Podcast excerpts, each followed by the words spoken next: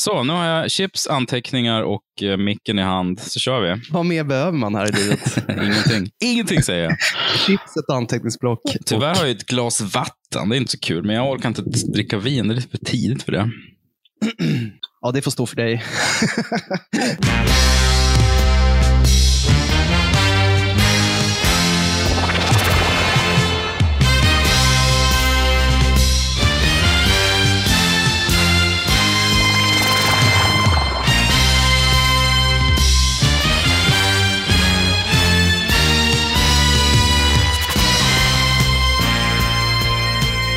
och välkomna till Intresseklubben Antecknar, en podcast om film. Vi är era värdar, det vill säga jag, Jesper Viking och min gode vän. Per Perstrand. Tjena Per, hur är läget? Tjena Jesper. Jo, men det är bra. Nytt kapitel. Mm. Ett, vi vänder blad. Ett oskrivet Mm. blad. Mm. Hur går det med filmtittandet? Det har varit... ehm, det tog mig tre kvällar att se den här Outside the Wire till exempel. Nya Netflix-rullen av Mikael Hofström. Bara för att jag var så, Med Anthony Mackie. ja, men precis. Eh, jag var så trött så jag orkade liksom inte sitta och se, en hel film en hel kväll. Nej. Jag och Peter började se om gamla avsnitt av 30 Rock istället. Ja, just Det känns lagom. 20 minuters avsnitt, man vet att det är roligt. Var hittar man dem någonstans? Eh, De ligger på... Eh, vi, Är det via Play Antingen via? Play eller HBO. Jag tror det är via Play de ligger på. För det Mm. var ju en eh, NBC eller CBS, NBC-serie från början. Det är bra, det är bra så här comfort food. Ja, men verkligen. Och det är vi också nyfikna på. Håller det nu eh, 2020? Och lite, Mm. Det gör jag det, svajar va? lite grann, men det, det håller mestadels. Det är fortfarande jätteroligt. Och det man slås av är ju eh, vilken renässans det var för Alec Baldwin. Nu Mm. är ju han en A-list snubbe och man är van att han är jävligt rolig, men det var ju ändå något nytt att han spelade komedi, för det har han inte gjort jättemycket innan. Nej. Kanske. Här, ut, här, alltså Tina Fey eh, såg ju någonting i honom. Den som kastade honom var ju ett geni, för att han gör det så otroligt bra som Jack Donaghy. Det är, han är en sån klassisk figur också nu. Han har ju också antagit en persona lite privat Ja, också. Att han, har, han har blivit ett med den rollfiguren. Mm. Den här uh, som väldigt, um, vad ska man säga, ja, men en parodisk alfahanne. Precis. nästan. Ja. Men när han gör sina reklamfilmer så är han ju Jack Donaghy, mer eller mindre. Ja. Så att Ja. han har nästan annekterat den rollen helt och hållet. Men Jag undrar ju om, om någon av hans brorsor kommer få en liknande renässans Mm. någon gång. Eller ej. Det här har ju inte hänt jättemycket för Steven och William och, och gänget. De, Daniel. nej, de känns lite bortglömda. De sitter i fängelse. Ja, precis. De har väl haft mycket såna här, pro problem med lagens långa arm, flertalet av dem. Ja, jo. Även, även Alec får man påpeka. Han har lite stormigt, brusigt privatliv. Ja, verkligen. Han har ju inte varit världens bästa farsa kanske heller. Mm. Nej. Eh, Så det får man ju ha i åtanke. Nej, men annars har jag eh, tyvärr inte sett mycket. Spela, spela mer tv-spel. Ja, det är samma här. Ja, Ganska rejäl eh, hög i inkorgen. Jag har Mm. inte orkat när man kommer hem ehm, att se en sammanhängande historia. Så det Nej. blir mer att man plockar upp konsolen, kontrollen och eh, the console, console you, eller console you. precis, knappar nassar istället. Jo, men precis. Jag har kört ehm, ja, men både Tony Hawk och eh, Jedi Fallen Order som är svinkul. Och nu kör jag Mm. lite eh, Tomb Raider eh, senaste. Så det är mysigt. Det är verkligen det. Vi har ju, ehm, jag och, och Åsa börjat se lite så här tv-serier. Det är också så här kravlöst. Mm.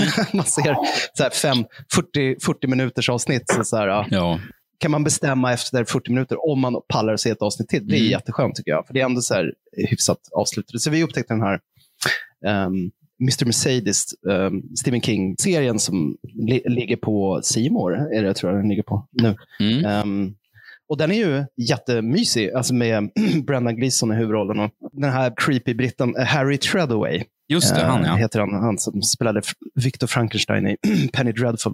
Tror Mm. han är mest eh, känd för som, som mördaren. Då. Superbanal handling egentligen. Man har ju sett den här typen av handling hur många gånger som helst. Men det är så jävla mysigt uh, upplagt och bra dialog. Och, så det är väldigt lätt att bara sjunka in i Mm. eh, på det viset. Och då börjar man tänka så här, när kommer nästa säsong av True Detective? Det var alldeles för länge sedan nu. Ja, vad hände med True Detective? En, för att han var ju en bra, alltså Brendan Gleeson hade ju klapp, platsat, det är lite True Detective-vibbar över den, hans uh, rollfigur. Han Mm. som pensionerad eh, snut som inte kan släppa det där fallet. det som han aldrig lyckades lösa. Ja, hur som helst, det är inte så mycket tid över för film. Nej, eh, dessvärre. Det blir våra skräckfilmssöndagar då, som vi har som en Mm. stående bra avslutning på veckan. Perfekt avslutning. Jag vet inte om man ska nämna någonting. Vi har ju sett de här norska slasherfilmerna på sistone. Ja, Fritt vilt, kallt byte. Ett och två har vi Ja. sett. De är ganska roliga. Ja, faktiskt. Jag var positivt överraskad. eh, måste jag säga. Jag väl, det låter som att jag inte har några som helst förväntningar på norsk film. Det är inte sant. De gör ju jättemycket bra film. Mm. det är inte det. Eh, skräckfilm i Norden har väl aldrig varit så här blomstrande genre direkt. Så att man blir alltid lite glad när man ser någonting som är ja, men, kapabelt gjort. Mm. Jo, men Mm. Fritt vilt är ju eh, Roar Uthaugs eh, debutfilm, hans, hans genombrott. Mm. Eh, som gjorde att han sen fick göra lite, han gjorde den här eh, vågen, eh, böljan, som var så Väldigt bra. Mm. Och sen Tomb Raider, som jag fortfarande inte har sett, men jag gissar vi kan det. Mm. Men det gick ju bra, så att, eller hyfsat i alla fall. Så att, eh, Det gjorde den. Det var ju jättedåliga effekter i den, men jag tyckte den var ganska Mm. underhållande. Jag hade inga jätteproblem med den. Men Fritt vilt är ju, ja men det är lite, det, det är slasher. Ettan är fjällstugemiljö och tvåan är eh, sjukhusmiljö. Sjukhus. Mm. Och styr- Oerhört karisma, alltså, äh, atmosfäriska. Alltså, de har verkligen hittat bra locations. Jo, men verkligen. Och båda utspelar sig under ett dygn egentligen, en ganska komprimerad tid, vilket gör dem väldigt effektiva. Speciellt tvåan som påminner ganska, de har lånat ganska mycket från Hallow- Halloween 2 i upplägget där. Att det Ja, tar vid direkt efter första filmen och utspelas på ett tomt sjukhus på natten. Och mördaren är ganska Ja. mycket av en Michael Myers-typ också. Ja, det var ju bara en, en kanyl i ögat som saknades egentligen. Precis. Ja. Men riktigt spännande. Ja. Ja, absolut. Det var fint. Fjällmannen som han heter. Mm. Inte, inte The Shape, utan Fjällmannen. det låter inte så läskigt, men han är rätt, han är Han rätt är det eh, faktiskt. imposant, jobbig. Fast han är norsk så man blir rädd. Mm, precis. ah, lågt. Men ehm, du, Mm. det är ju 2021 nu. Mm. Eller 2021 borde jag säga, för jag stör mig alltid när folk säger 2021. Det betyder att filmen som kom 1981 är 40 år gamla i år. Exakt. Det är 2021, därför ska vi blicka bakåt förstås. Ja, därför ska vi blicka bakåt i tiden, som vi plägar Som vi göra. plägar göra. Nej, men, eh, Mm. Precis som du säger så är det nu eh, 40 år sedan det, det fina filmåret 1981. Och det gjordes, eh, det gjordes massa bra film då, vilket vi ska återkomma till. Men först ska vi prata om en av eh, våra favoriter från just det året. Det vill säga Outland av eh, Peter Hayes. Eller Operation Outland, Mm. som den hette i Sverige. Precis. Operation kolon Outland, vilket är bra. Jag älskar när folk lägger kolon i titlar. Ja, det är, man undrar vad det var för operation som skulle Mm. utföras också. way it could have been homicide. Ha- had to have been a suicide. 28 in the last six months. Did you do autopsy? No. Then how do you know it was a suicide? Explanation. When a person exposes himself to zero pressure atmosphere, there isn't a whole lot left to inspect. Something's there, isn't it? Maybe. Try and meddle. I want you to know what you're meddling with.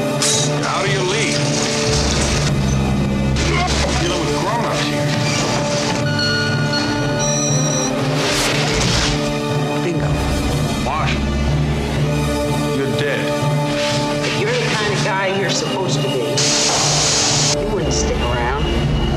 That's why they sent you here. Bill O'Neill, spelad av Sean Connery, jobbar som federal sheriff för en gruva på månen Io utanför planeten Jupiter. En dag tar han upp om fall där gruvarbetare börjar dö under mystiska omständigheter. Efter undersökningar upptäcker han att det rör sig om en drog som används av gruvarbetarna så att de kan fortsätta arbeta. Detta leder till att någon försöker döda O'Neill. Så är det. Det är väl det är en framtidsskildring, men visst sägs det inte vilket år det är? Nej, det är inte Det är uttalat. alltid så skönt när det inte står så här 2018 eller någonting. Det kan inte bli ett meme Nej, när, exakt. när det dyker upp, året dyker upp. Nej, Precis. Jag vet vi har ju aldrig riktigt pratat särskilt mycket om Peter Hyams. Han är en klassisk sån här, äh, ja, vad ska man säga, journeyman-regissör. Mm. Uh, Jack of all trades som har gjort ganska mycket, rätt mycket filmer med Jean-Claude Van Damme. Mm. nog. Eh, de hade väl en smärre succé med um, Time Cop, Mm. som ja, än idag tror jag är Jean-Claude Van Dammes mest lyckade film. Alltså, Jag tror det. Och det är också en film som eh, faktiskt är bra på riktigt med, Mm, med honom. Precis. Och sen gjorde de ju en annan, eh, för mig, favorit tillsammans efteråt. Det var ju Sudden Death. Mm. Die Hard-rullen på hockeyarenan. Det pratas alldeles för lite om. Alldeles för lite snack om den. Nej, den är också riktigt lite. kul.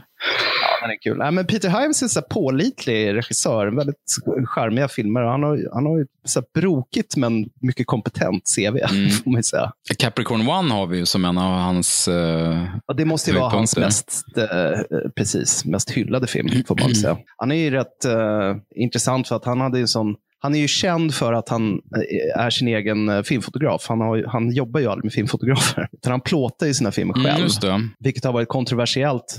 Han var ju manusförfattare från början och blev sen regissör, vilket inte är ovanligt. Menar, det, det är inget man höjer på ögonbrynen åt i Hollywood direkt. Men, men just det här att han gick runt med ljusmätare och, och skulle så här, placera ut kameror, så det var ju big no-no vad Mm. fackföreningen anbelangade. Jo, Så han, brukar inte bli så poppis.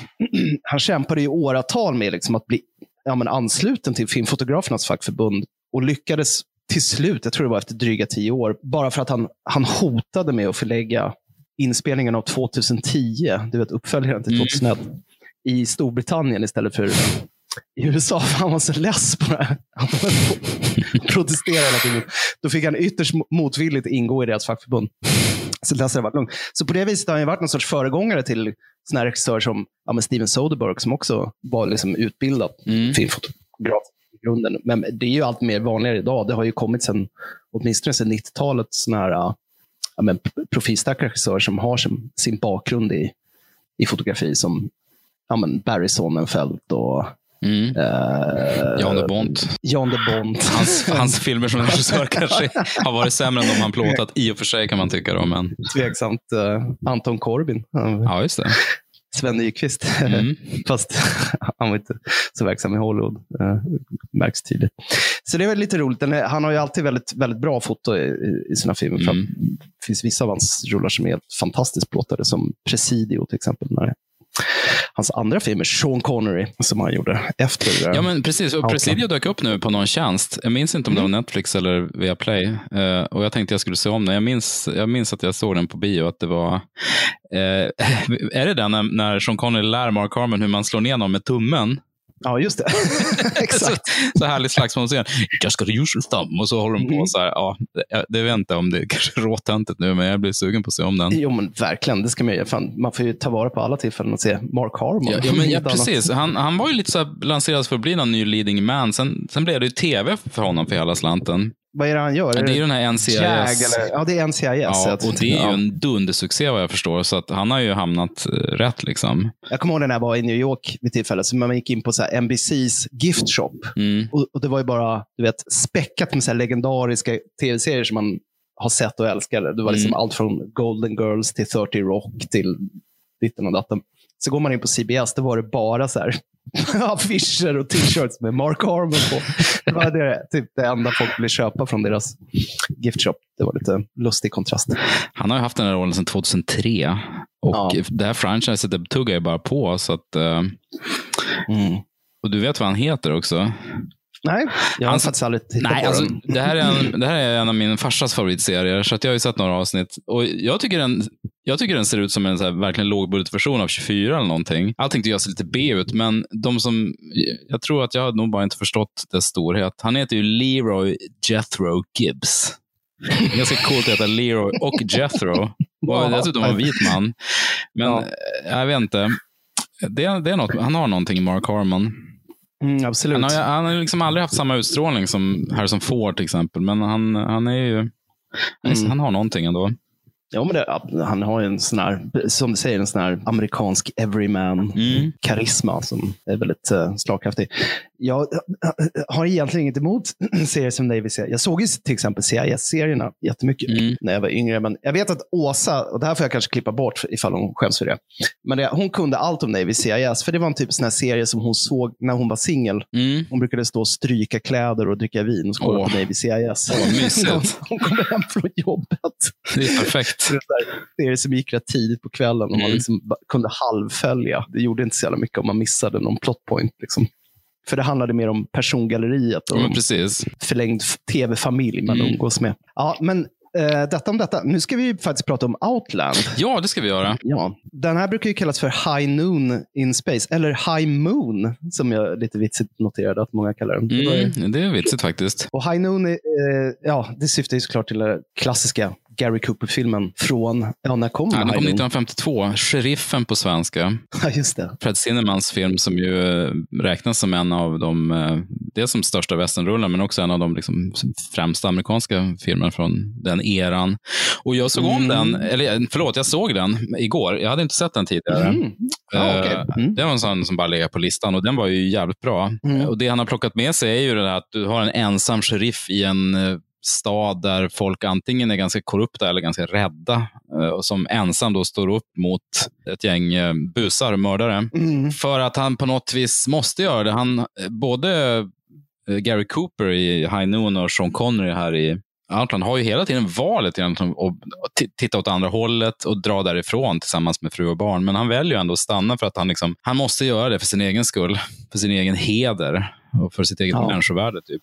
Om han ska Ja. känna att han ska vara en riktig människa. Förutom det så finns det ju några andra beröringspunkter. Att High Noon är ju mäktig för att den utspelar sig i princip i realtid också, med en klocka som tickar ner hela tiden. Mm.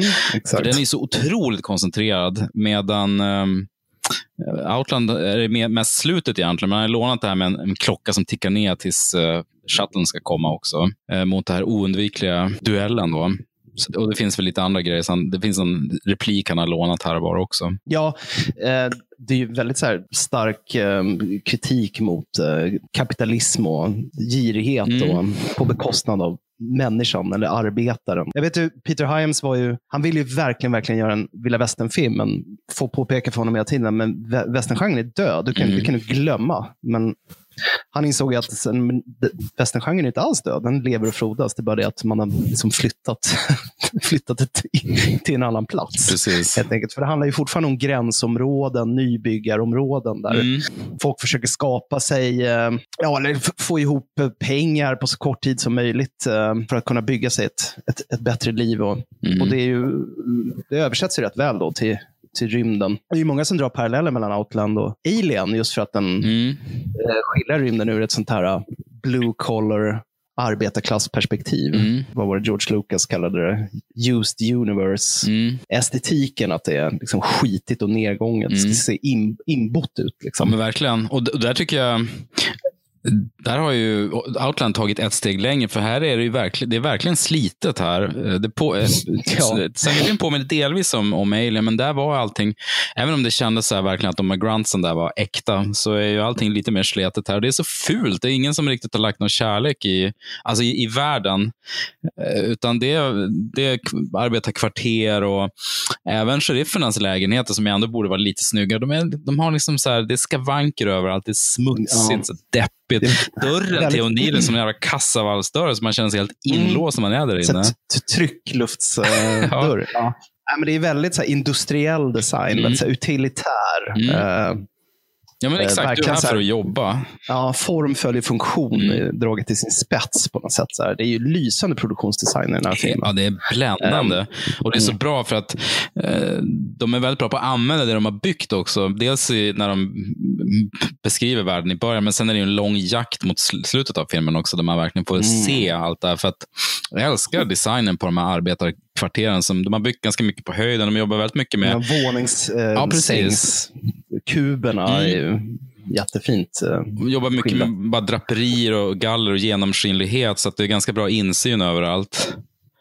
Ja, och man tänker också på hur, hur mycket det betyder det här att, för, för det är ju, den här filmen är gjord på en tid då man, vill man skildra en stor lokal, då fick man bygga en stor lokal.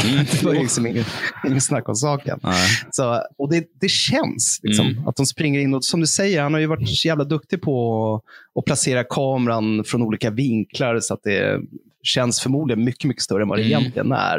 Eh, men de utnyttjar liksom varenda skrymsle av det här sceneriet för att för att eh, bygga en värld Mm. som är väldigt övertygande. Eh, underbart gjort också. Ja, men och så man får också känslan av totala bristen på privatliv också. Att Ja. de, de kan förvisso fälla ner såna här persienner, men även de är ju liksom så lite halvtransparenta. Mm. Det är inte som att man kan gö- göra vad fan man vill där inne. Nej, men eh, precis. Du, du, du är aldrig ensam egentligen. Och det är trångt överallt. Och Det man gör är att man jobbar och så sover man, så går man och krökar på, på Mm. baren. Mm. Ja, men det är ju verkligen så här, som, en, som en oljeplattform, Mm. i den här eh, rymdstationen. Ehm, och så här, man får känsla också av att det är extremt varmt hela tiden. Alla går runt och är så svettiga Mm. och duschar konstant. Mm. Jättestora duschrum. Och, Ja, men man tänker Ja, det- att det, det rinner så kondens av alla, Mm. alla stolpar. Det är lite så här oljigt överallt och smutsigt. mm, många drar ju likheter mellan den här och Alien. De utspelar sig i samma universum. Mm. Men det är ju just apropå det här onda corporate-temat. Man kan tänka sig att det här conglo, vad heter de? Conam, con, con, conglomerated amalgamated.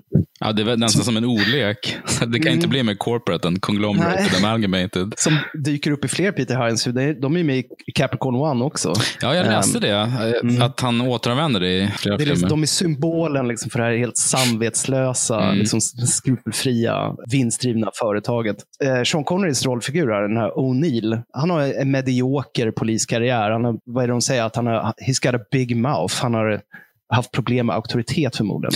Ja, precis. Det, det, de går ju inte så djupt in på varför. För den, han, har ju, han har ju dragit runt sin fam- familj och fått lite så skitjobb på olika så här baser. Mm. Det går inte in på riktigt vad han har gjort, men han verkar ju han verkar vara uppkäftig och inte så liksom, briljant. Så därför han känner att han ska för en gångs skull göra det rätta. Då. Mm. Ja, men precis. När, är jag den här personen som de Mm. anser att jag är? Det finns ju paralleller till hans rollfigur i De omutbara där också. Vad är han heter? Malone Mm. heter han, va? Mm, jag Som tänkte faktiskt på det. En här patrullsnut som med största sannolikhet har liksom tittat åt andra hållet i åratal när Mm. organiserad brottslighet gör sitt. Liksom för att han sitter ner i båten. Han vill inte skapa vågor. Som får någon sorts moralisk nytändning av, av uh, Elliot Ness eh, idealism. Så i den bemärkelsen är han nästan som en yngre version av, av eh, den figuren. Mm. Och han har keps i båda filmerna också. Och så Ja, och går runt med hagelgevär. Precis, det finns många beröringspunkter. Det tycker jag för övrigt är en väldigt fin touch också, att de, att de använder just hagelbössor. Mm. För det, man hade ju förväntat sig att det, liksom, det kunde varit laserpickor eller... Ja, men precis. Eller... Protongevär eller någonting. Men Mm, det är precis. verkligen old school. Det skulle kunna vara western. framtida, så här, alla Blade Runner-pickor där man liksom bara har tagit en, ja, men du vet, en Magnum och så har man tejpat på någon sån här ficklampa eller Mm. någonting. Så att det ska kännas lite så här futuristiskt. Men de, de hoppar det, vilket jag tycker är fint, för det förankrar det mer i verkligheten också. I övrigt en ganska så här rå fe- Alltså jag tänkte från 1981, det är ganska mycket gore Ja. i den här filmen. Folk som exploderar, den här myten om att folk exploderar i ett vakuum. Ja, precis. Och, eh, jag hamnar ju på en Facebook eller på en Wikipedia-sida som pedagogiskt förklarat, så här är det inte. Nej. För det är, inte, det är fyra gånger tror jag den här filmen. Alla, alla rymdfilmer med självaktning har ju i alla fall en scen där någon Mm. eh, tapp, när trycket, det går, hjälmen går sönder eller någonting och ansiktet Ja. sväller upp och exploderar som i Total Recall. Jag tror det är fyra eller fem sådana scener. De gottar sig i det. Ja, sannerligen. He's going out! Så närbild på ansiktet som bara blir så här jätteuppsvällt och så, pff, så explosion blod. Men tydligen så tål ju människor huden mycket mer än så. Det som händer är att man typ blir, blek och dör. Eh, Det blir ingen explosion. Jättetråkigt. ja, exakt. Men, men visst, den, den är ganska gore. Det kommer jag ihåg från när jag såg den när den kom också, när jag var liten. att Det var väldigt minnesvärt. Det tyckte man var läskigt. Så här. De, de här incidenterna i början av Mm. filmen. En kille tror att han ser spindlar, han får ju grova hallisar och vill ta av sig hjälmen. En annan är bara så här lyckligt hög och går ut själv i luftslussen och ska möta Jesus Ja. ute i rymden eller någonting. Ja, precis. Ganska obehagliga scener. De spar inte på kladdet där kan man säga. Nej, jätteotäcka. Och, Mm. och sen är det mycket så prostituerade och det är Mm. liksom det, det är sån typisk, det är en sån trope också att om det är i en bar i ett rymd, då måste det vara så någon som står och dansar naken i en sån här laser vet, strobe light show. Ja, Jag blev full i skratt för att allt annat är ganska låg budget på den här basen. Men de har en sån här läcker, fast den är ganska shavig också. Men här läcker liveshow. På, eh, på ett podium det en kille och en tjej som står och gör så samlagsrörelser. Juckar. Ja, juckar. Ja. På ett annat är det två tjejer som står och ormar sig så med någon så här mäktigt laserljus på. För övrigt väldigt fint med de här färgkodade overallerna. Ja, är älskar snyggt, det. De har liksom jumpsuits i olika färger med, med tillhörande kepa. Är Så gula, röda, vita, gråa beroende på vad det var för funktion. Jättesnyggt. Och Jobbar med polisernas outfit. är. Ja, men precis. Och snutarnas outfit är bland de snyggaste. Mm. Eh, kortärmade, mörkblå overall. Eh, Ja. så jättesköna gympadojor, så jättesnygga keper. Mm, jättes- ja, det är härligt. Det är Och, verkligen härligt. eh, Som en polotröja kan man ha också om man fryser lite under den här eh, kortärmade skjortan. har ju det några scener. Så snyggt. Ja. ja, det är väldigt snyggt faktiskt. Och Det här var ju på, på den tiden då Connery fortfarande hade sin tupé innan han slängde den. Mm, jag tänkte på det. 80-talet. Vad heter den här filmen när han är tv-reporter när han slänger sin tupé ut ur flygplanet? Den? The man with the deadly lens. I, Just det. Eh, The Man with the Deadly Lens. Precis, och det, det, just det här klippet finns på YouTube. Jag såg det när, det mot slutet av filmen står Connery med en annan snubbe ska hoppa ut fallskärm ut planen, så han bara ah, sliter av sig tupén och slänger den i ett hörn. Det här var ju en dippfas i Sean Connerys karriär kan man väl säga. Han försökte desperat komma bort från Bond-rollen. Han hade eh, inte riktigt lyckats heller. Han hade ju gjort några floppar. Så att han var ju inte direkt en lysstjärna eh, i Hollywood när han gjorde den här filmen. Det var ju först egentligen med samband med de omutbara just som han fick någon sorts renässans kan man väl säga. Ja, jag tror det, för Never say never again blev aldrig någon, blev det en Nej, hit det var egentligen? en, nej, det var en flopp. Mm. Det också. Samma produktionsdesigner på den som eh, Outland för övrigt. Ja, just det. det här um, härliga dataspelet de kör i, Never say never again. World domination game.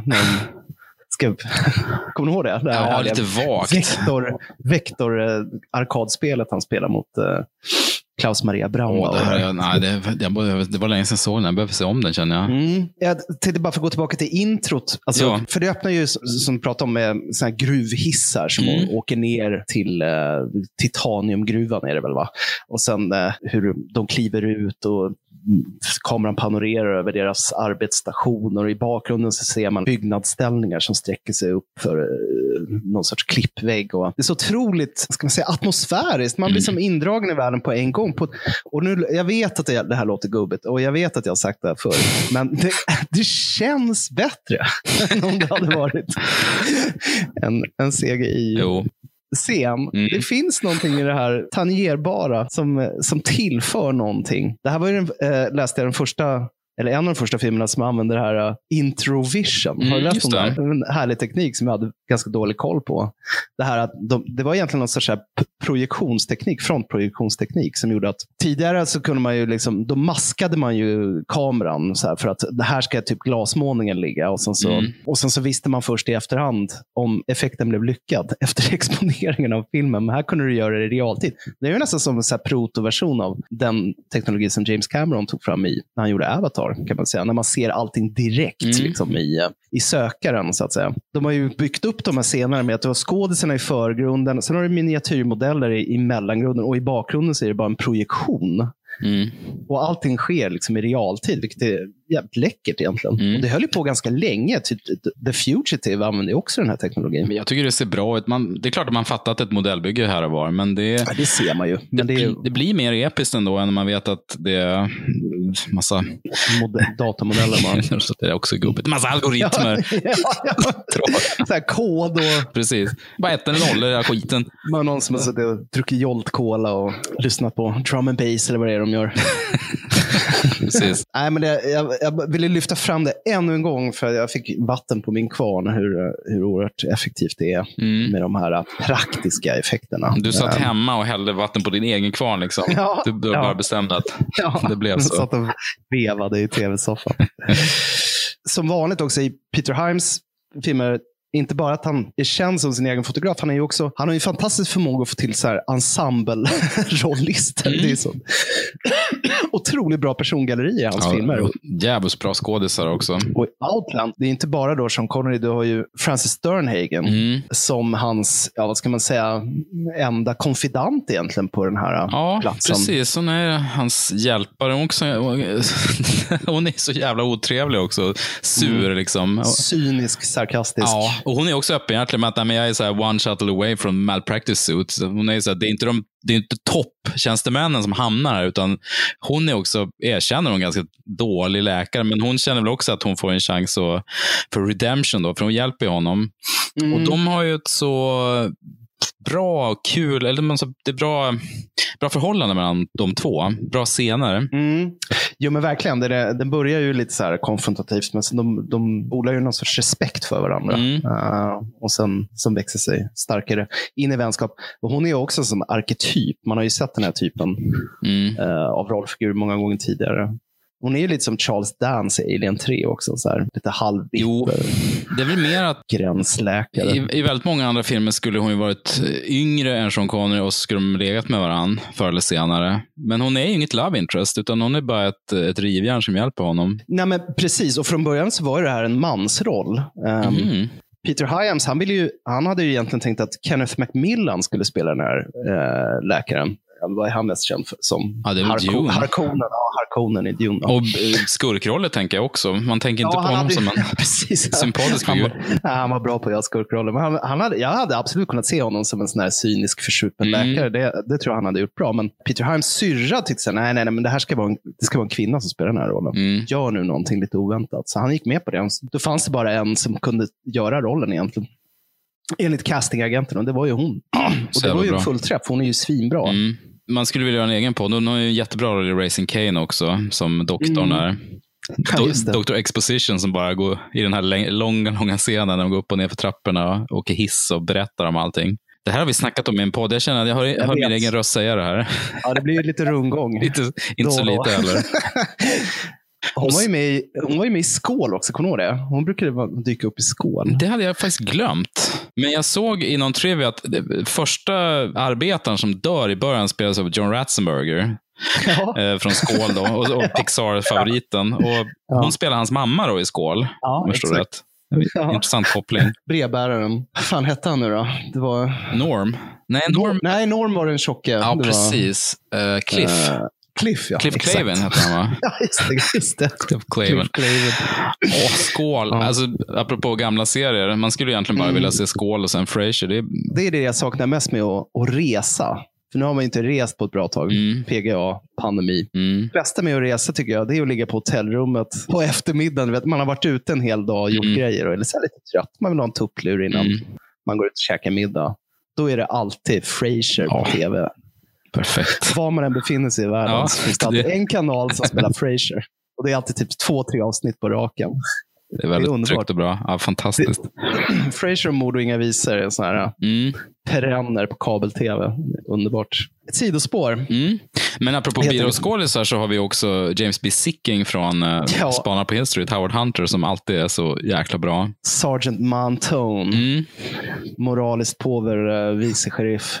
Han gör väl samma roll som Lloyd Bridges va, i uh, High Noon. Va? Är inte det lite samma? Jo, precis lite samma. Någon som Titta har bort. valt att eh, titta, titta bort. Mm. Lite vek, men som ändå har kanske liksom en, en tillstymmelse Jo, av... han är väl hyvens ändå någonstans, men han har, han har gjort ett val och bara casha in. Ja. Och sen um, Peter Boyle. Ja. som, Så jävla bra. som, som chefen på den här gruvanläggningen. Och han gör en sån typisk så här Gene Hackman-roll här egentligen. Mm. vet, så här cynisk, självgod, intelligent och helt skrupelfri eh, skurk. För Gene Hackman ser ju elak ut. Han kan ju verkligen se Men Peter Boyle ser som kramgo ut. Mm, Det blir en sån stark kontrast när han är så här jävla obehaglig. mm. Stämlig. Han är eh, jättebra. Det är kul att han ska spela golf som slags symbol för ondska också. Ja. Särskilt när man vet att Sean Connery var en sån eh, golf, Golffreak. golffreak. Ja. Och det ja, har inte riktigt samma tyngd nu. Det roliga är att Sicking och, och Boyle och Connery har ju, de ser ju ungefär likadana ut. Ungefär samma ålder med skägg och kepa. Och, så de är ganska lika stylade, vilket är kul. Och sen det jag inte hade fattat för nu, det är att det är Clark Peters som spelar en av hans deputies. Ja, jag vet, men det går ju knappt att känna igen Nej, honom. jag, jag gjorde inte det. Jag såg det efteråt, fan det är ju han. Ja. Som vi känner från The Wire och... ehm, Ja, Lester Freeman. Precis, Lester Freeman i Wire och The Five Blood som vi pratade om i förra avsnittet. Ja, just det. Han har en jätteliten roll och eh, som sagt svårt att känna igen honom. Men det är när man har sett en skådis, som- upptäckt en skådis, eller vad man ska säga, i The Wire, när de redan är medelålders, så är det jättekonstigt. Mm. Det är som att se, se någon film där Morgan Freeman är jätteung, så fattar man knappt att det är han. Nej. Han ska ha de här ärren på kinderna och vara farbroderlig, annars känns det fel. Jo, men exakt. Det som, jag såg om uh, Apocalypse Now för det var något år sedan eller två. Mm. Och man blir så här paff att så här, helvete, det är ju Larry Fishburne. Mm. Ja, Eh, visst. Men man är så van vid att han, ska- han ska vara så här köttig och Ja. tjock och liksom koppärrig. Och, Jag vet, han är jättespinkig. Ja, en spinkig liten pojke bara. Mm. Det blir väldigt, slå till till skallen nästan. Jag älskar, eh, älskar honom. Han är så bra. Ja. Nej, Outland är, ska jag inte säga att den är, alltså folk gillar att säga forgotten gem Jo. om en sån här film, men det, det stämmer ju inte riktigt. Den är ju, den är ju ganska respekterad, Mm. får man ju säga. Men den, det pratas inte så ofta om den ändå, tycker jag. Inte tillräckligt mycket. Nej, jag tyckte är- när, när Sean Connery gick bort här förleden så var det inte jättemånga som plockade upp eh. Outland heller. Nej. Det är lite tråkigt. Mm. Jag tycker den f- förtjänar att, att bli, eh, bli framlyft. Mm. Framförallt när den är liksom så tillgänglig också.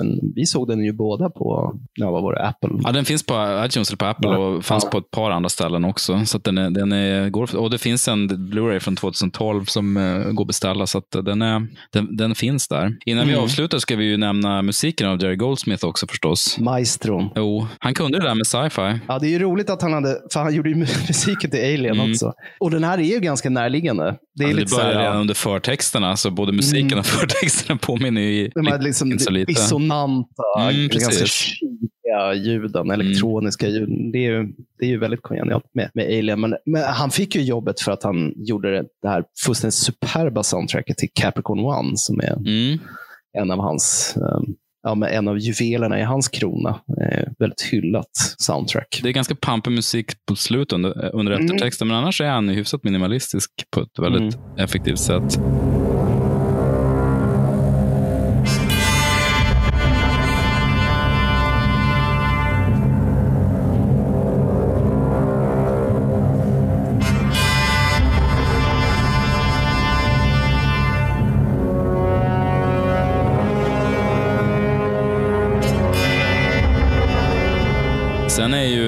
Produktionsdesignen, förutom all scenografi och så, men även typografin är ju Ja. väldigt snygg. Jag vet inte om det här är ett Ja. typsnitt som är skapat för filmen, det de använder. Ja. Jo, men det är det. Det är det. Är det. Det är väldigt Ja, och- utstuderat hur den blandar versaler och, och gemener. Mm. Med det sagt så finns det ju som en font idag. Ja, det är klart. Outland-fonten. Men, ehm, eller kanske rent av heter Conam 24 eller något sånt där som, Mm. som uh, rymdstationen. Men eh, den, är, den är härlig. Det är fint med sån här stencil. Återigen så här funktionalitet. Det är Mm. så här, ja, men du ska kunna liksom spraya på den här texten på, Mm. På väggar och sånt där. Så det måste ju vara stencil-typsnitt. Ja, Men det är få filmer där allting är så otroligt pedagogiskt uppmärkt. Det står vem, vem som Mm. bor på kontoret och To Jettison står det på de kropparna som ska skickas ut i rymden och den här kom därifrån. Det ser väldigt här, bra pedagogiskt för tittarna, Ja. vilket är fint. Och allting är Ja. gjort med, med det här snygga maneret. Ja, och detaljnivån är ju ett som hä- häpnadsväckande. Jag tror, var man än går, de plockar upp en mugg, då ser man Conam-loggan.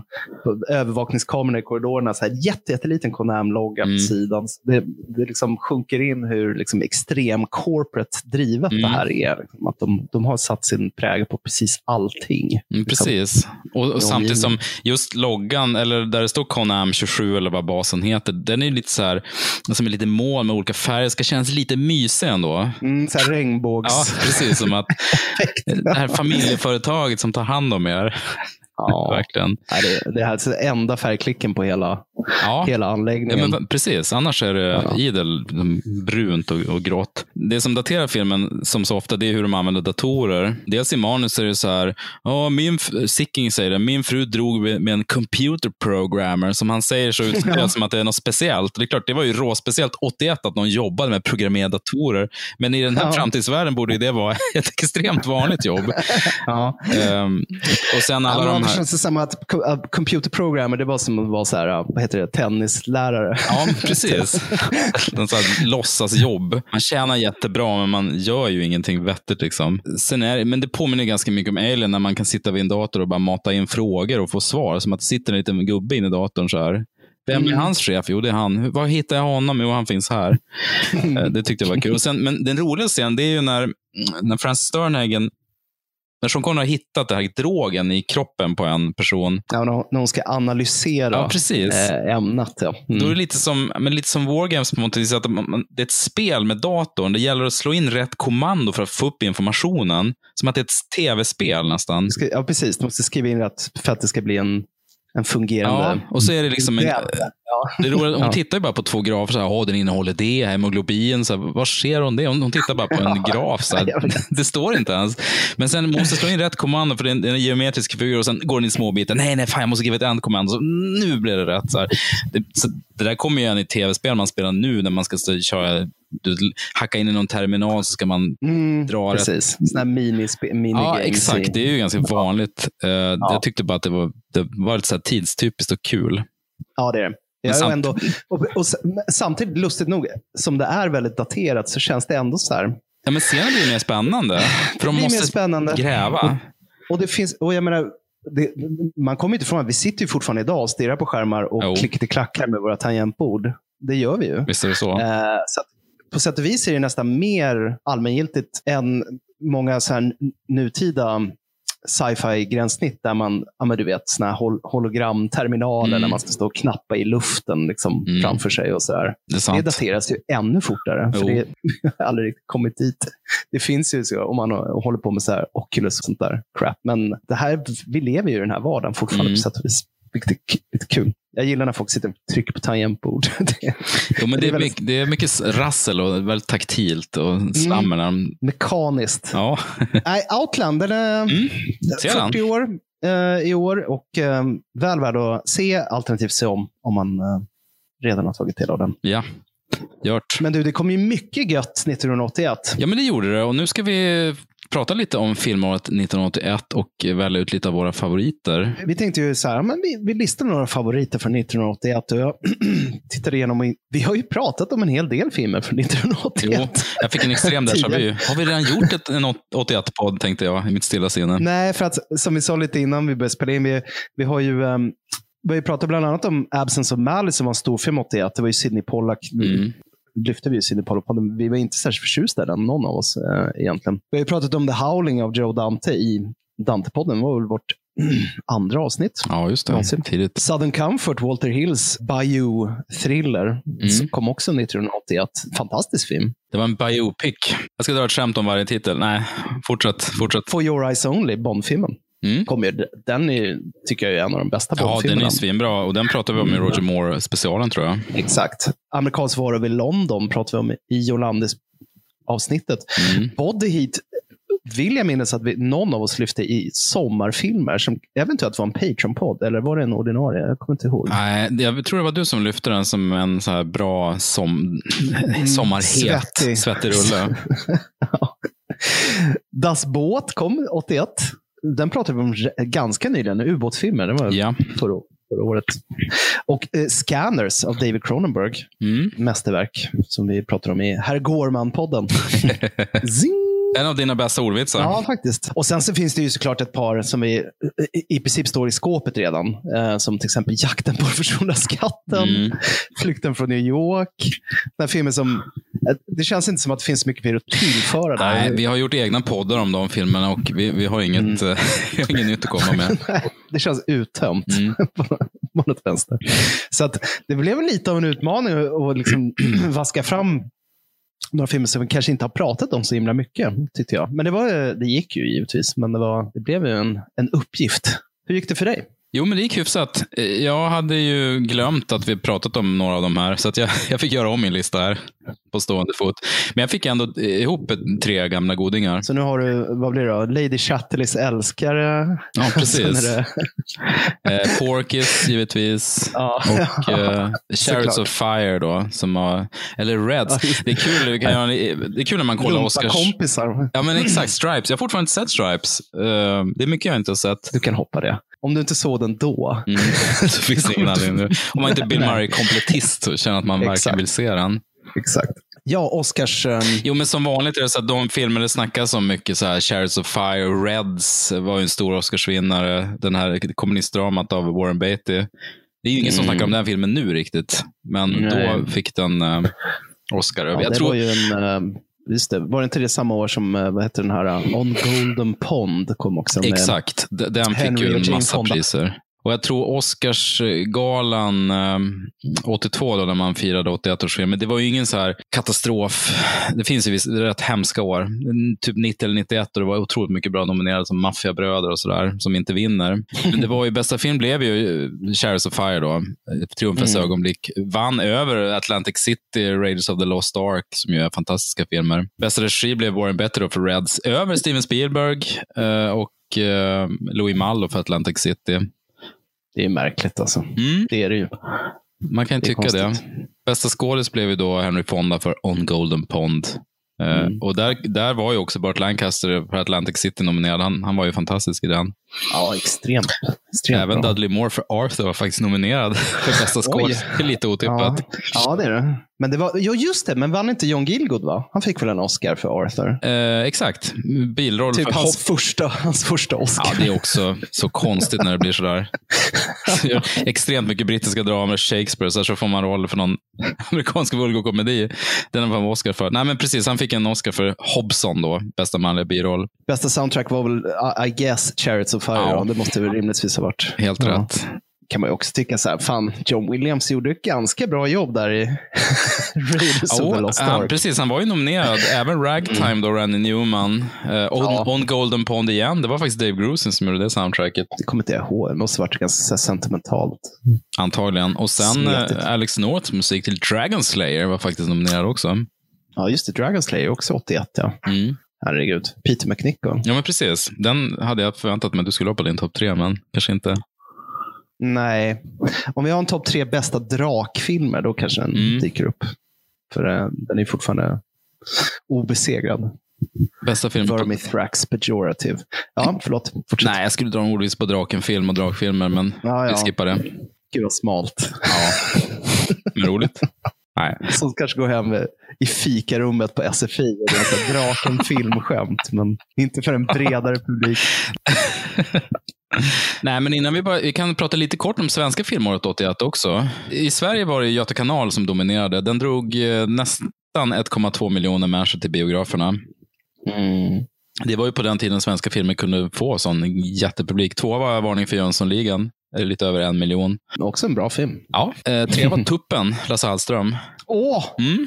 Tuppen! Ja, den är fin med Magnus. Härenstam och en, och en massa eh, andra bra skådisar. 900 000 personer Och en ungefär. naken Pernilla Östergren. Kommer ihåg. Ja, just det. Stora dragkortet för en uh, 9-10-årig kille. Mm.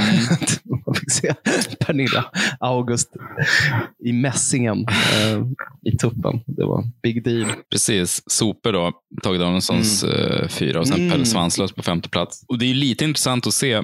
40 år senare så har vi en ny Jönssonligan-film som drog över en miljon, dock på More och vi har även en ny Pelle Svanslös-film som kom förra året som Ja, just det. gick bra på Det bio. sant, Så att, ja. eh, 40 Vissa- år på dagen nästan. ja, vissa Ja, IPn lever fortfarande 40 år senare. Men Jag har inte du, tänkt på ja, att en ny Pelle Svanslös. Det var ju nej, nej, vi tillhör inte riktigt målgruppen. Eh, Nej, det är vi inte. Men eh, jag tror att den är ganska mysig. Tror du? Ingenting som utspelar sig i Uppsala kan väl vara intressant? Förutom Fanny och Jag tänkte säga det. Fan Alexander då? Har- du emot Uppsala? Ah, de är så tråkiga. Blir du på disshumör idag? Jag kommer aldrig förstå mig på den stan. Det här kommer jag givetvis klippa bort ifall du har Uppsala-lyssnare. Men Men då får de höra av sig, så sen kli- klipper du bort det efteråt, eller? Testa Precis. först. precis, tänja på gränserna. Ska du börja? Jag kan börja. Ja, säg en favorit. Nej, men, eh, jag, hade listat en amerikansk vara i London som etta, men jag hade ju förträngt att vi faktiskt gjort en hel podd om John Landis. Jag strök den.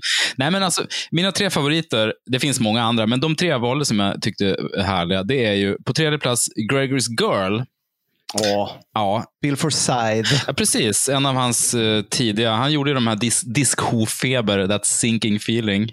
Den har ju en Ja. ordvits, både engelsk och svensk titel ska vi säga. Eh, Ja. och sen Gregory's Girl är ju, är ju hans triumf. Den är så himla charmig. Lågmält romcom-mästerverk. Ja, den har så fin tonträff och de här unga skådisarna är så himla mysiga i huvudrollen. Så det är en, en så här evig så coming of age eh, som jag tycker håller. Det var ett tag sedan jag såg den, men Mm. Nej, Sen- men den är ju ja, men den är fin. ljuvlig.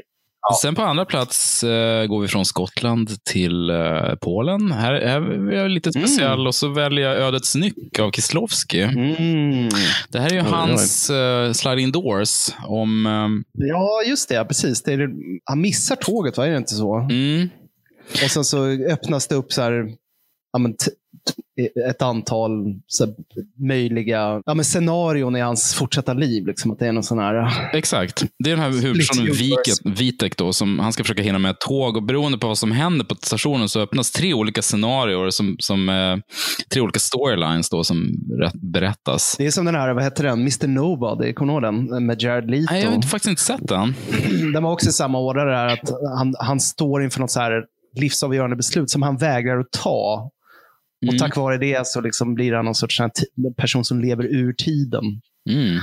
Lite som, eh, vad heter han, eh, figuren i Kurt Vonnegutts eh, Slakthus 5. Just det. Ja, men vad härligt. Kislovska har vi inte snackat någonting om. Nej, jag vet. Det borde, Och- borde vi göra. Ja, visst. eh, Dekalogen var ju såklart en otroligt stor bioupplevelse. Det här var på det glada 90-talet när jag körde film på Fox Bio i, i Umeå. Och vi körde alla de här filmerna och såg alla och det var ju jävligt mäktigt. Uh, Ödesnyck kom ju lite före Dekalogen. Den är från 87 och det är han Boguslav Linda i huvudrollen som är jävligt bra. Mm.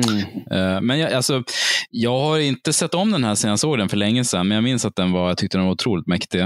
Och eh, hela det här sci-fi-greppet med tre olika parallella verkligheter tyckte jag var fränt. Ja. Så att, eh, den kan jag varmt rekommendera. Jag vet inte riktigt om den går att få tag på numera.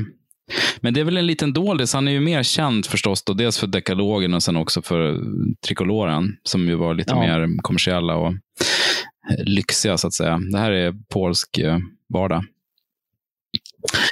Och sen som min etta, eh, där måste jag ju ta Blowout av Brian De Palma. Ja, det, den hade jag också tänkt lyfta, givetvis. Det är ju ännu en så här regissör vi inte riktigt har tagit oss an än på riktigt. Det är ju Brian De Palma. Mm. Eh, och det är ju oundvikligt. Vi måste göra det förr eller senare. Han är Eh, bara en, en av våra husgudar, men vi har ändå inte liksom av massa olika skäl kommit till skott med att göra den, den totala Brian De Palma-podden, eller i alla fall en, en gedigen podd.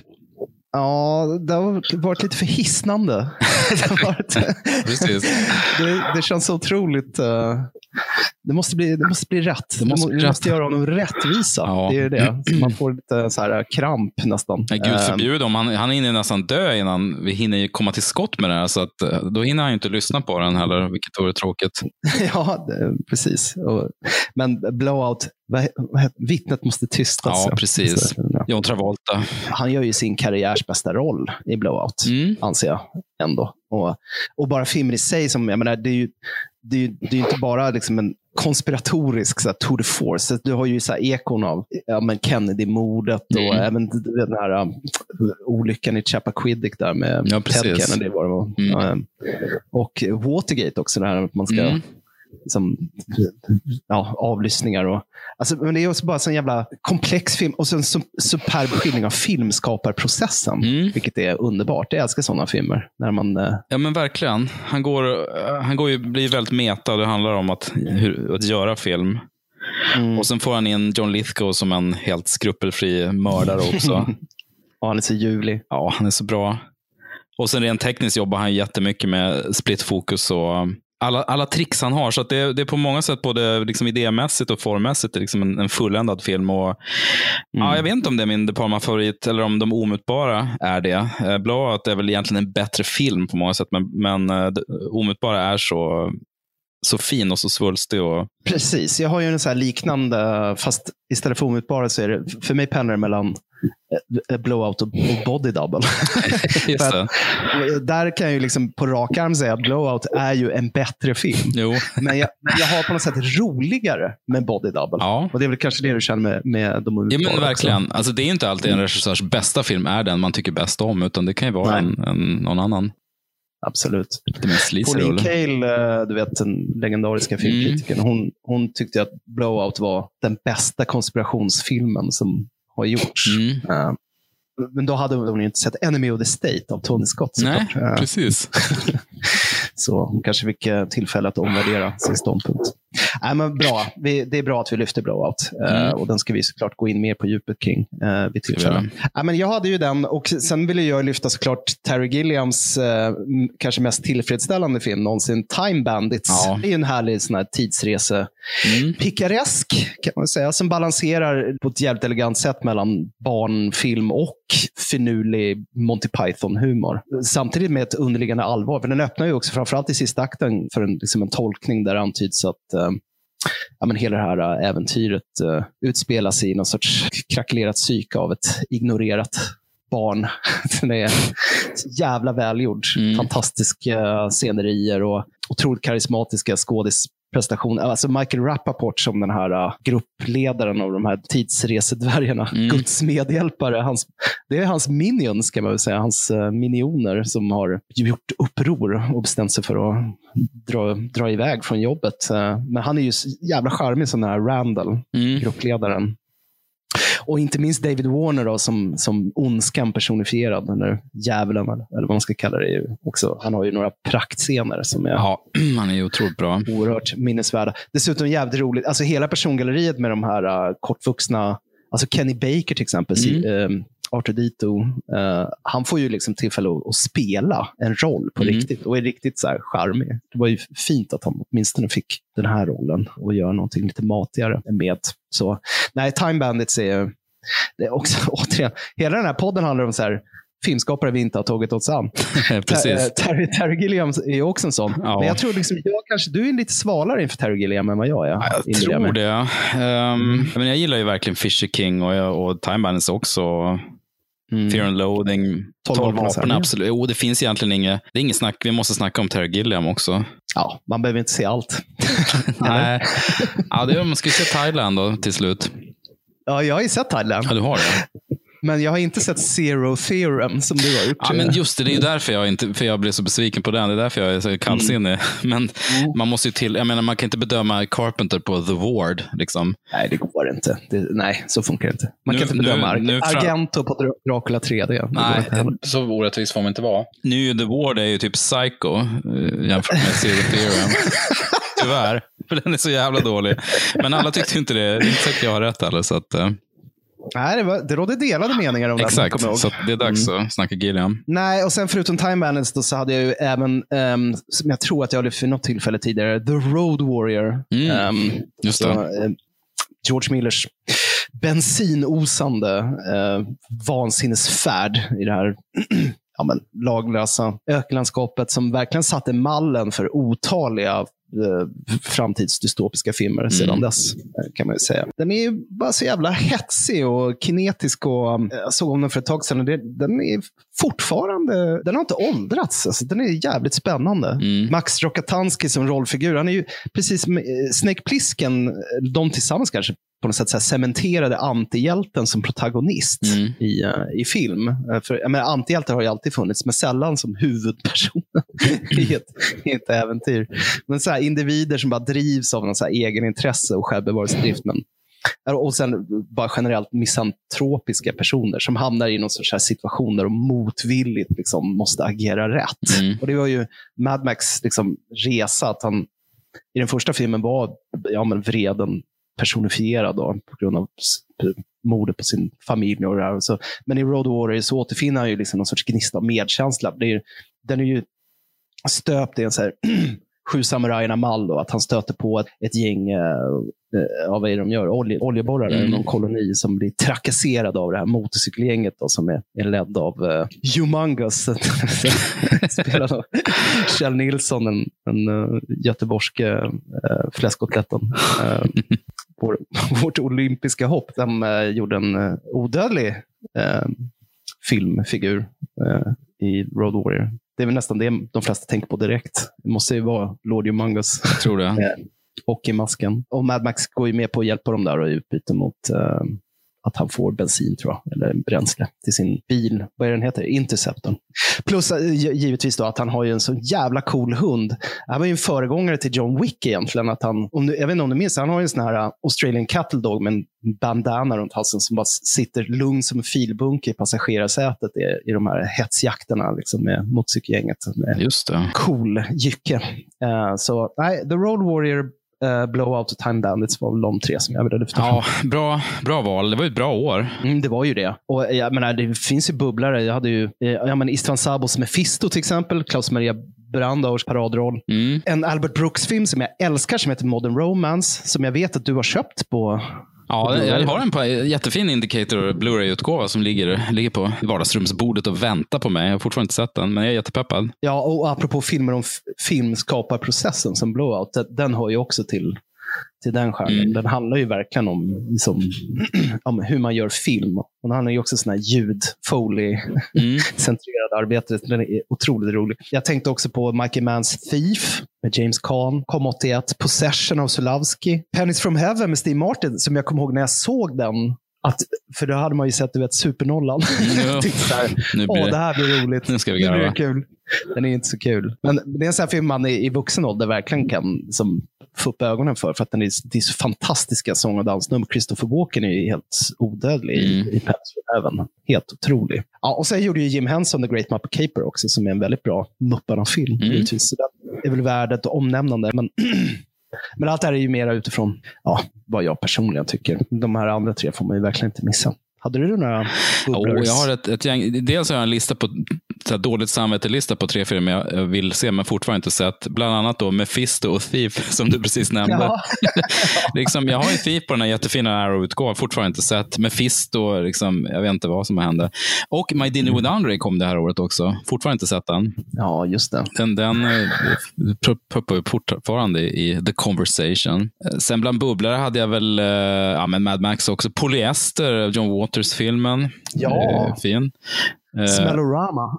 Precis, med luktkortet. Och sen ehm, en riktig vuxenfilm, Fyra årstider av och med Alan Alda. Mm. Som jag minns var så här, ja det, det är så här att vara vuxen. Eh, Lite sån där um, medelålders eh, krisfilm. Det var skitlänge sedan jag såg jag, jag minns den här scenen när vad heter han? Ned, nej, det är inte Ned Betty, utan det är han som var påminn om Ned Betty. Jack, eh, fan är han heter? Force, eh, det här borde jag ha kollat upp. Liksom. Eh, om du underhåller lyssnarna medan jag kollar här på internet så... Men jag tycker på Jack Weston. Ja, Jack? Weston heter han ja. Ja. Ja, it's är my Mercedes! Kommer du ihåg när hans Ja. Mercedes åker ner i vaken där? Hey, it's my Mercedes! It's my Mercedes! Det är liksom det bestående minnet jag har av den filmen. Jag är jättesugen på att se om den. För det var en sån här, ja men lite så här feelgood uh, film. Var det Allan Alda som skrev han den också? Mm, eller? jag, jag tror det var så att det var han liksom hans, eh, hans regidebut. Han, eh, han skrev manus och regisserade den. Precis, det finns ju inget bättre än, än så här, eh, sent 70-tal, tidigt 80-tal, Allan Alda, när han hade, du vet, när han hade de här, um, de här, så här lammullströjorna i Mm. bjärta färger från JC Penney typ. Och sen sitt, sitt bländande smile och sin, sin tjocka snedlugg. Ja, men du vet. Han är så snygg. Alltså, han, han är ja. född, eh, nu ska vi se, han är född 36 och 81 var han ju 45 då, va? liksom i perfekt Mm. ålder. Skulle man titta på filmen nu ser han väl ut som han är 60 eller 55 med sina kläder. Men, Och så är det ju Carol Burnett, eh, Rita Moreno, Jack Weston, eh, Bess Armstrong, liksom den tidens uh, toppskådisar.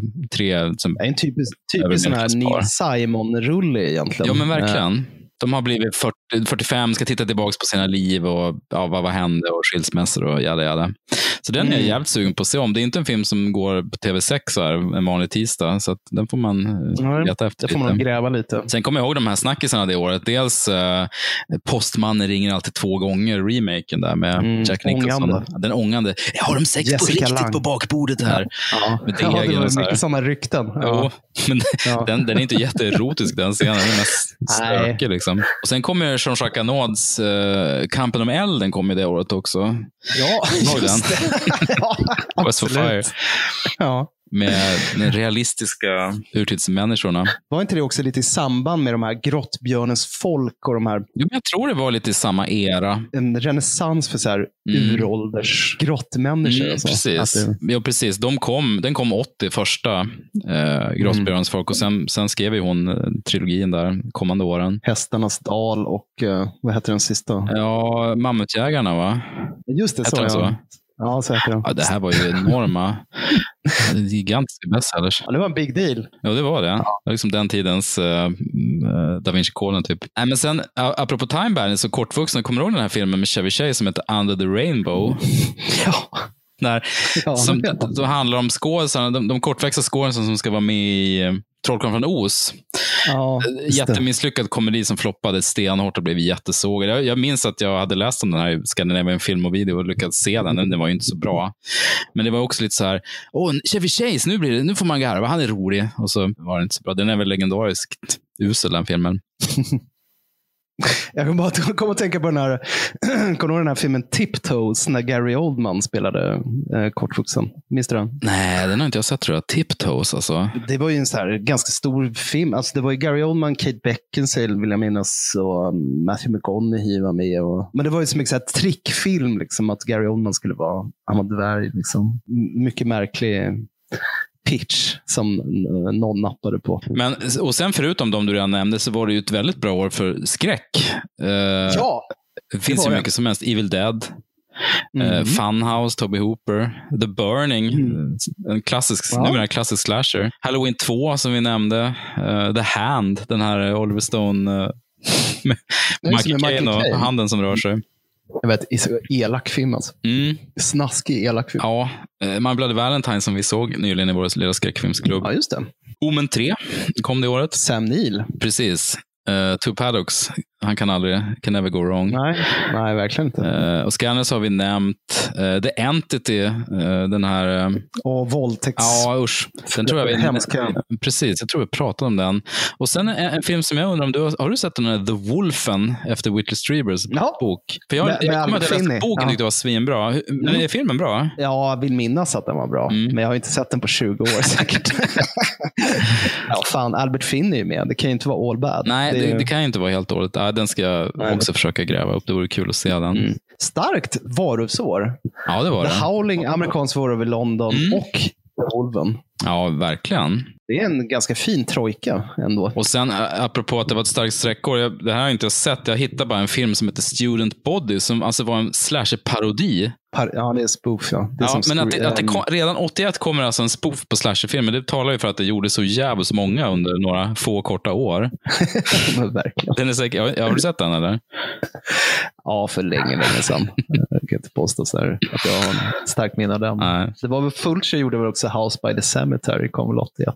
Sen var det väl också den här eh, Ghost Story, såg du den någon gång? Peter Straub-filmatiseringen. Nej. Om tre män på, unga män på, jag tror det är på 20-talet, som begår dråp av en ung kvinna som de alla är förtjusta i, spelad av, eh, ja vad heter hon? Alice? Krieg va?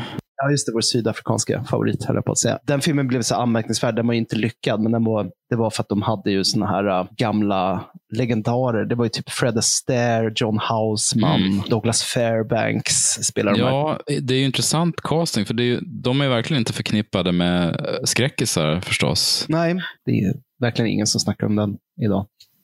Bra bok dock. Ja, alltså Ja. jag läste, men det påminner lite om upplägget i Coco också av Straub, där det hän- hände grejer på under Vietnamkriget och så blir det vänner som, visst är det så, som träffas efteråt. De börjar bli mördade en efter en av någon. Jag håller på och läser om den Blue det. Rose-trilogin av Peter Straub. Han är fan härlig. Alltså, man, han blir ju stämplad som någon sorts highbrow Stephen King. Mm. eh, då det begav sig. Liksom Mm. Lite mer rumsren skräckförfattare. Mm, ja, men han var väl alltid Ja, lite mer pretto än, om man nu ska säga det, använda det töntiga ordet, än, än Stephen King var kanske. Ja, mer litterär. Ja, är- litterär. Det är inte så mycket referenser till Creedence och sådär. utan Nej. Inga Grateful Dead-citat eh, Nej, på, mera Walt. Whitman-citat. Ja, Mm. precis. Nej, men jag minns att jag plöjde några Peter Straub när, när jag hade läst alla Stephen King och de inte kom tillräckligt fort så läste jag ju. Och så gjorde de ju förstås Talismanen tillsammans och sådär också. Mm. Men, men jag, jag förstod... Black House läste Ja, nej, den läste jag nog aldrig tror jag. Den var riktigt otäck faktiskt. Mm. Den är ja, väl värd att Fan, jag, måste, jag måste se om jag måste har... börja läsa igen. Ja, gud. Det, det också. Det är en annan grej när jag jobbar mycket och bara spelar tv-spel. Jag läser ju för lite Mm. böcker. Nej, det är bedrövligt. Det är det verkligen. Ja, men det, vilket, eh, det blir mastigt där. det blir det. 1981 var starkt år. Man, ja, för man har en bild i huvudet av att här, men det var ju 82 som var det stora starka filmåret. Mm. Det är så jag tänker ofta det. Att det var så här, 82, 84 och 86. Mm. Det var så riktigt starka filmår. Men 81 var ju, gick inte av för hackor faktiskt. Däremot tror jag 83 var lite svagare. Men det kan man prata om någon annan. Skönt att få en liten Även- paus mellan alla storfilmerna. Mm. Och typ Jedins återkomst kom väl 83. Det skulle det vara. Mm, just Men det. inte så- Never say never again, är inte det 83 också? Jo. Apropå bra film. Ja, men vad härligt. Ja. Vi äh, återkommer väl snarast med ett Patreon-avsnitt också. äh, för Det våra mecenater. Ja, se Outland och tack för att ni lyssnar och tack till alla Patreons som stödjer oss. Vill du också stödja oss så gå in på icapodcast.se. Klicka i en ruta där och eh, ge, supporta oss med lite pengar varje, varje månad ungefär. The money. Nej, men du, eh, tack så mycket Jesper. Tack ska du ha Per. Och vi hörs snart. Det gör vi. Ha det fint. Hej hej.